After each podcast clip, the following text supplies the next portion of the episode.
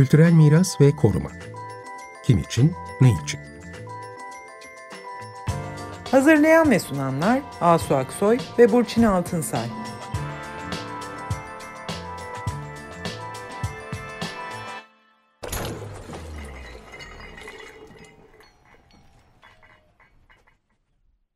Merhaba, iyi akşamlar. Ben Burçin Altınsay. İyi akşamlar, ben Asu Aksoy. Bu akşam Hatay Akademi Senfoni Orkestrası şefi Ali Uğur ile Hatay'ın müzik mirasını konuşuyoruz.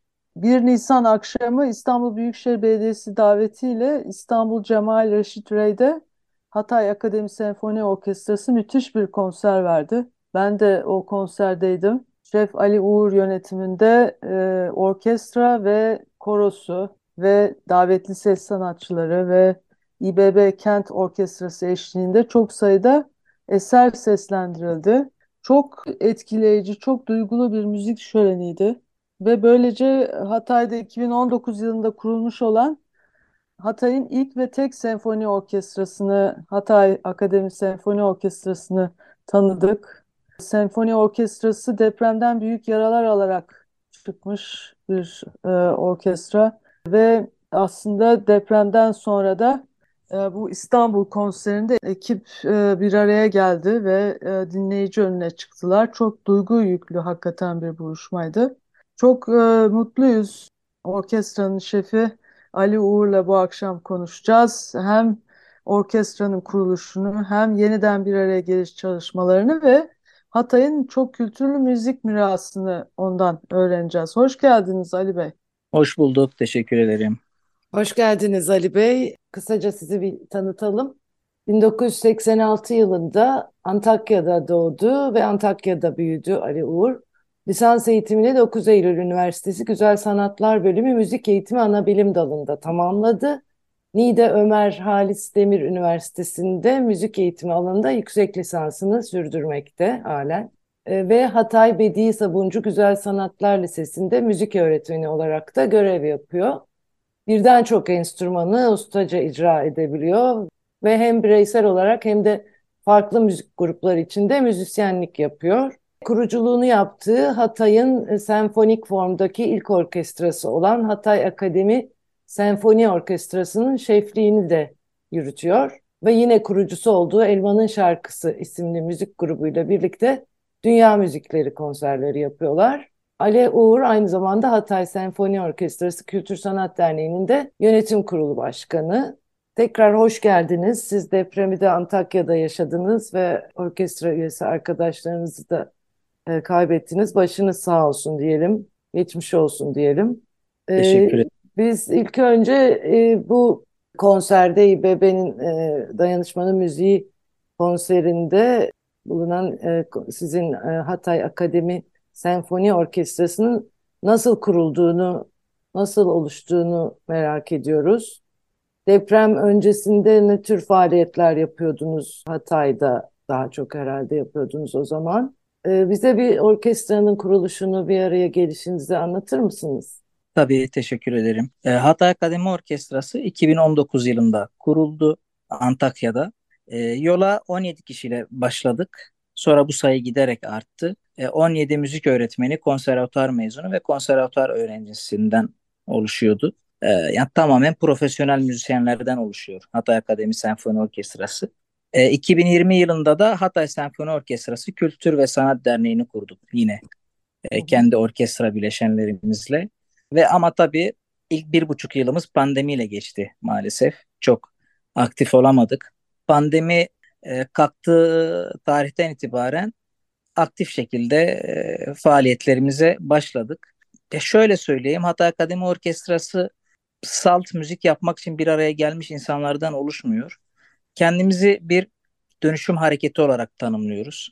Yani kendi coğrafyamızda e, ve tabii ki yurtta ve bütün dünyada umuyoruz ki bir dönüşüm e, yaratmak amacıyla sanatsal ve kültürel anlamda bir dönüşüm yaratmak amacıyla bir araya gelmiş idealist sanatçılardan oluşuyor. Bu bu anlamda pandemiden itibaren çeşitli konserler gerçekleştirdik e, depremden önce. İki adet Avrupa Birliği projesi gerçekleştirdik. E, eğitimler, workshoplar, master class'lar. Örneğin Avrupa Birliği projemizden bir tanesi Kültürlerin Senfonisi adlı bir projeydi. Onda tamamen amatörlerden oluşan bir koro oluşturduk ve bu koroya 6 ay eğitim verdik. Çok seslilik, şan eğitimi, koro eğitimi, e, nota eğitimi, solfej eğitimi ve 6 ayın sonunda bu e, koro 120 kişilik bir senfoni kadrosuyla e, amfiteyatroda bir konser seslendirdi. Çok dilli ve çok sesli bir konser seslendirdi. Mahal Avra projesini gerçekleştirdik.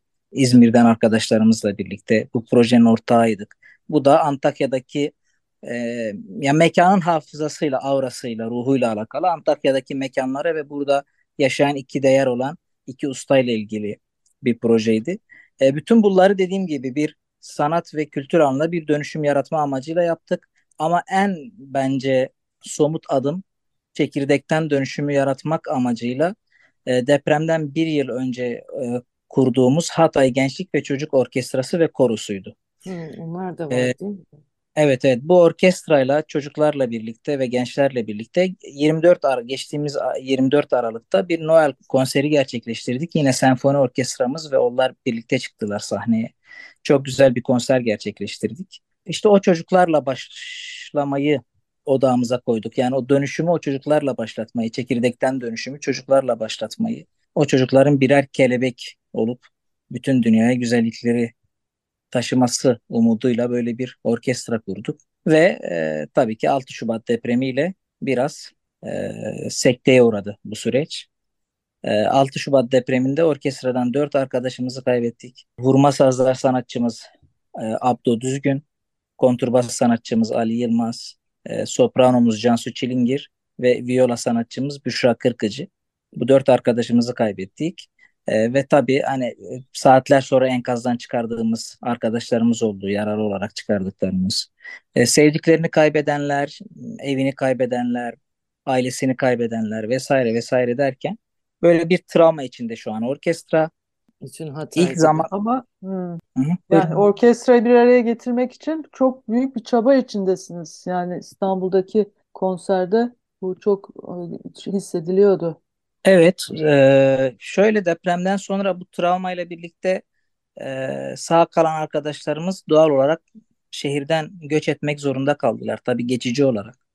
Ben Antakya'da kaldım. Daha sonra iki arkadaşım daha süreç içinde iki arkadaşım daha döndü. Şu an Antakya'da üç kişiyiz. Ama orkestra ilk şoku atlattıktan sonra bir Zoom toplantısı üzerinden bir araya geldi ve yola devam etme kararı aldı. Hayata dönüşün çekirdeği oluyor böyle daha önceden oluşmuş bir araya gelmiş. Sizin gibi gruplar bu daha önceki yaptığınız çalışmalar aslında deprem sonrasına hazırlık oluşturmuş değil mi? Şimdi de hani iyileşmenin bir aracısı oluyorsunuz anlaşılan. kesinlikle öyle. Yani şöyle e, depremin ilk şokunu atlattıktan sonra toplantı aldık online ve devam etme kararı çıktı şundan ötürü. Depremden önce biz çok zorluklar içinde var olmaya çalışan bir orkestraydık aslında. Hı hı. Ülkedeki bütün sanatçılar gibi ama Hatay'da bu daha da zor açıkçası. Biz hiçbir, hiçbir şekilde destek görmemiştik. E, o yokluk içinde, yoksunluk içinde bu orkestrayı ve idealleri ideallere tutunmuştuk ve faaliyetlerimizi gerçekleştirmeye çalışıyorduk. Giden arkadaşlarımız da bu yokluk içinde gerçekten hiçbir e, karşılık beklemeden bu ideallere tutunup gece gündüz çalışıyorlardı bizimle birlikte. Şimdi biz bu depremden sonra bu idealleri terk edersek e, giden arkadaşlarımız her nereye gittilerse gittikleri yerden üzüleceklerdir diye düşündük. Çünkü ölen biz de olabilirdik, ben de olabilirdim. Ben olsam üzülürdüm bu idealleri terk etmenin.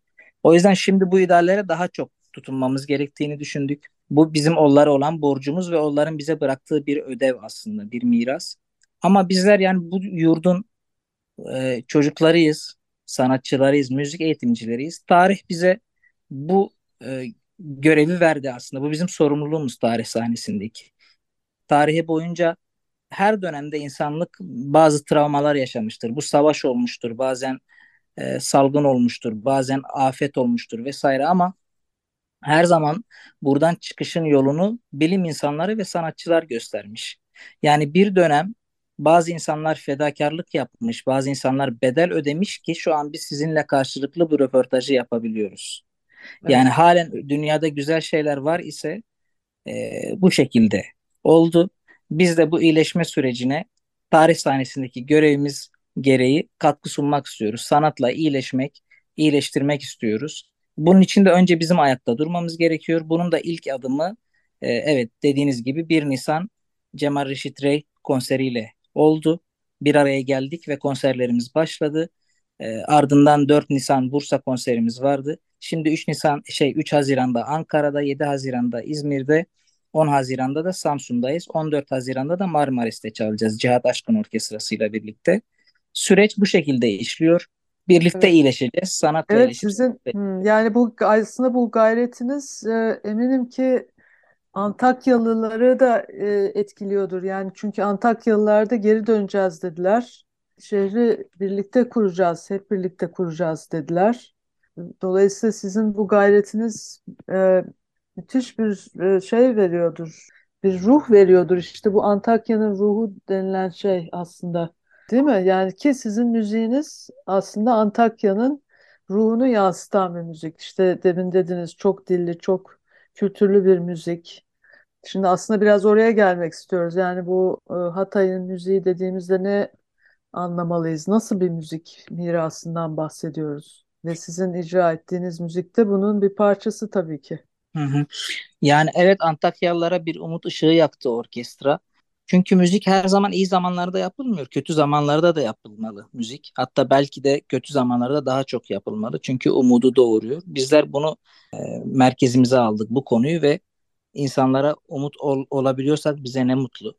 Hatay bildiğiniz gibi özellikle Antakya çok dilli, çok dinli, çok kültürlü bir şehir, bir yaşam coğrafyası. Biz de evet bir senfoni orkestrasıyız. Klasik müzik yapıyoruz ama klasik müzikle birlikte e, dünya müziklerini, Anadolu müziklerini, Hatay türkülerini seslendiriyoruz ama hepsini senfonik formda seslendiriyoruz. Yani bir senfoni formuna dönüştürüp onu aranje edip o şekilde seslendiriyoruz. Çünkü e, Türkiye'nin aslında senfonisi de bu şekilde. İçinde çok dilin, çok kültürün, çok çeşitliliğin olduğu bir coğrafyanın müziği de çeşitli olur diye düşünüyoruz. O yüzden sadece klasik müzikle kendimizi sınırlamıyoruz. Her dilden, her dinden, her kültürden eserleri alıp kendi müzik kozamızda işleyip bunu e, insanlığa, halkımıza sunuyoruz. Kelimenin Ee, tam anlamıyla çok sesli hale getiriyorsunuz müzikleri değil mi? evet, evet, evet. denir.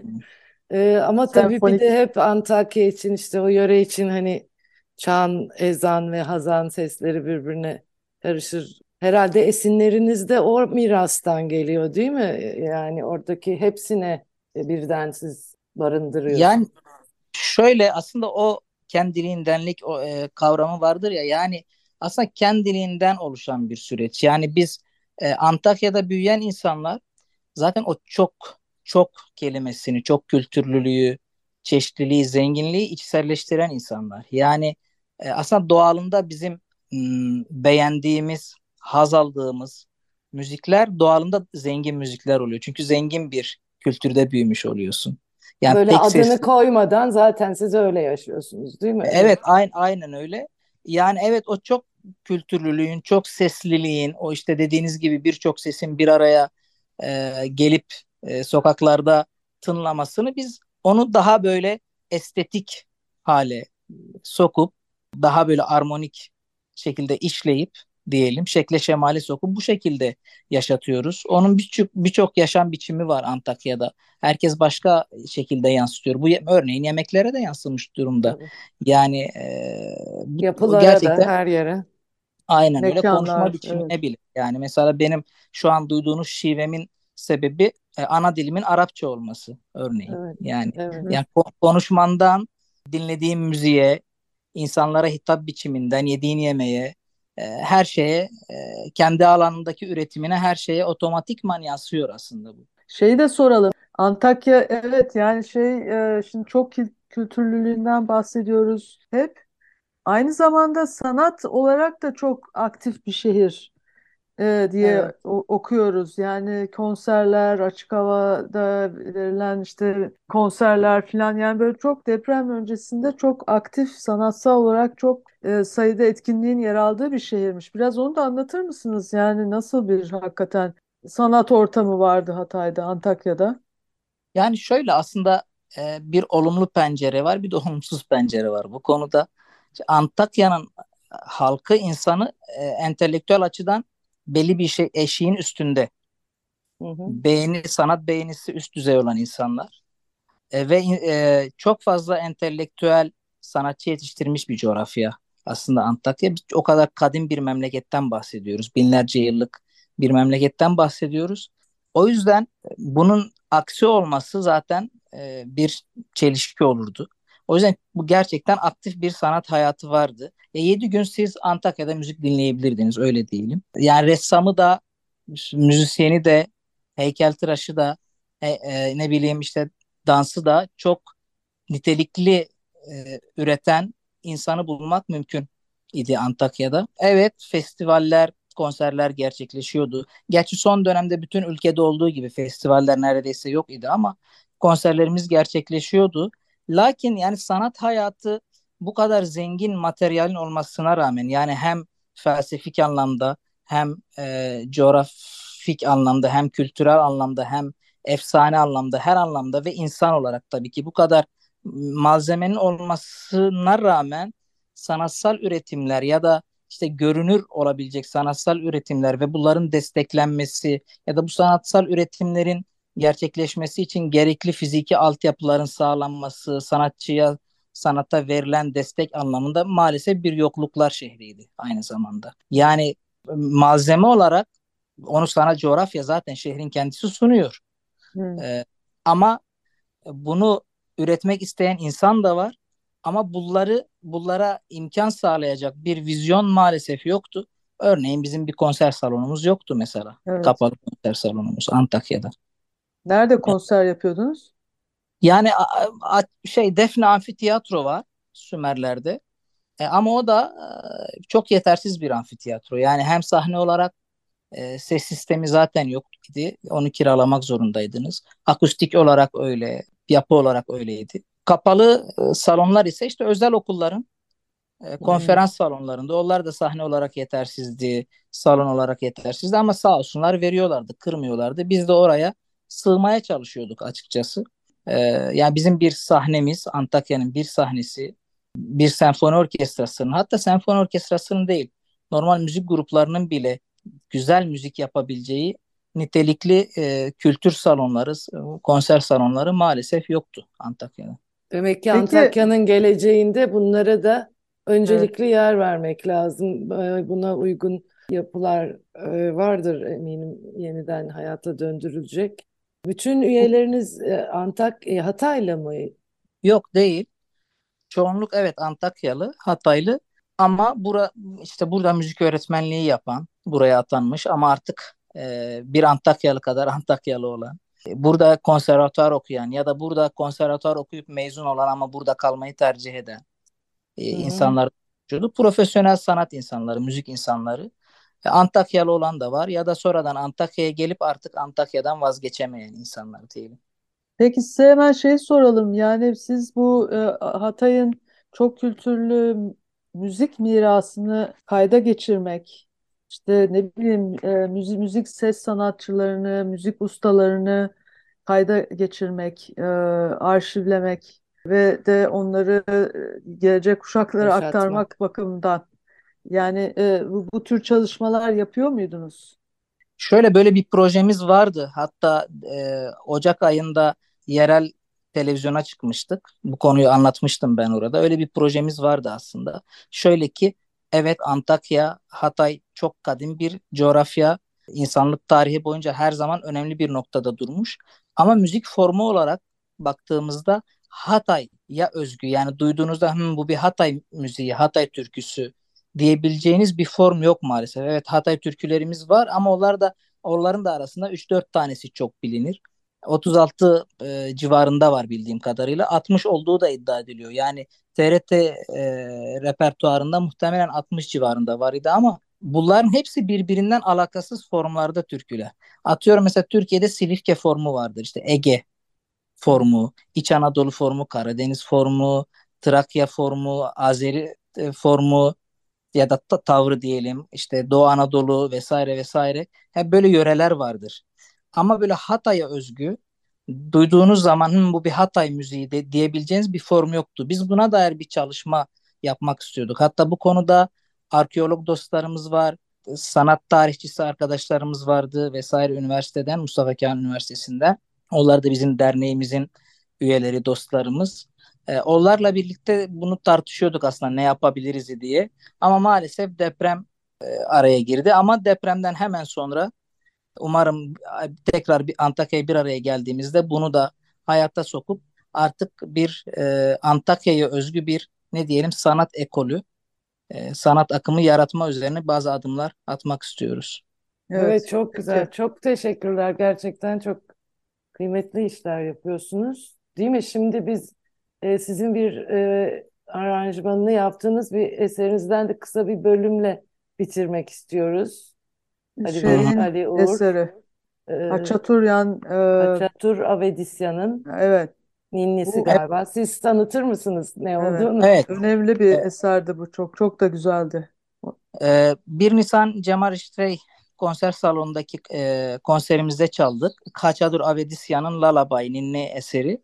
Biz buna bunda birkaç küçük değişiklik yaptık. Kendimize göre e, bir forma soktuk, uyarladık ve bunu seslendirdik ve bu eser e, depremde kaybettiğimiz so- solistimiz Cansu'nun eseriydi aslında. Yani onun repertuarında vardı. O konserlerimizde o seslendiriyordu bu eseri. Hem onun anısına hem kaybettiklerimizin anısına hem de aslında şehrimize, Antakya'mıza yaktığımız bir ağıt bizim için. E, Lalabay. Evet, biz de bu programı Başınız onunla sağ olsun bitirelim. tekrar, Evet, evet. başınız sağ olsun. Cansu'nun anısına Evet. dinleyelim. Hoşça kalın. teşekkürler, görüşmek üzere.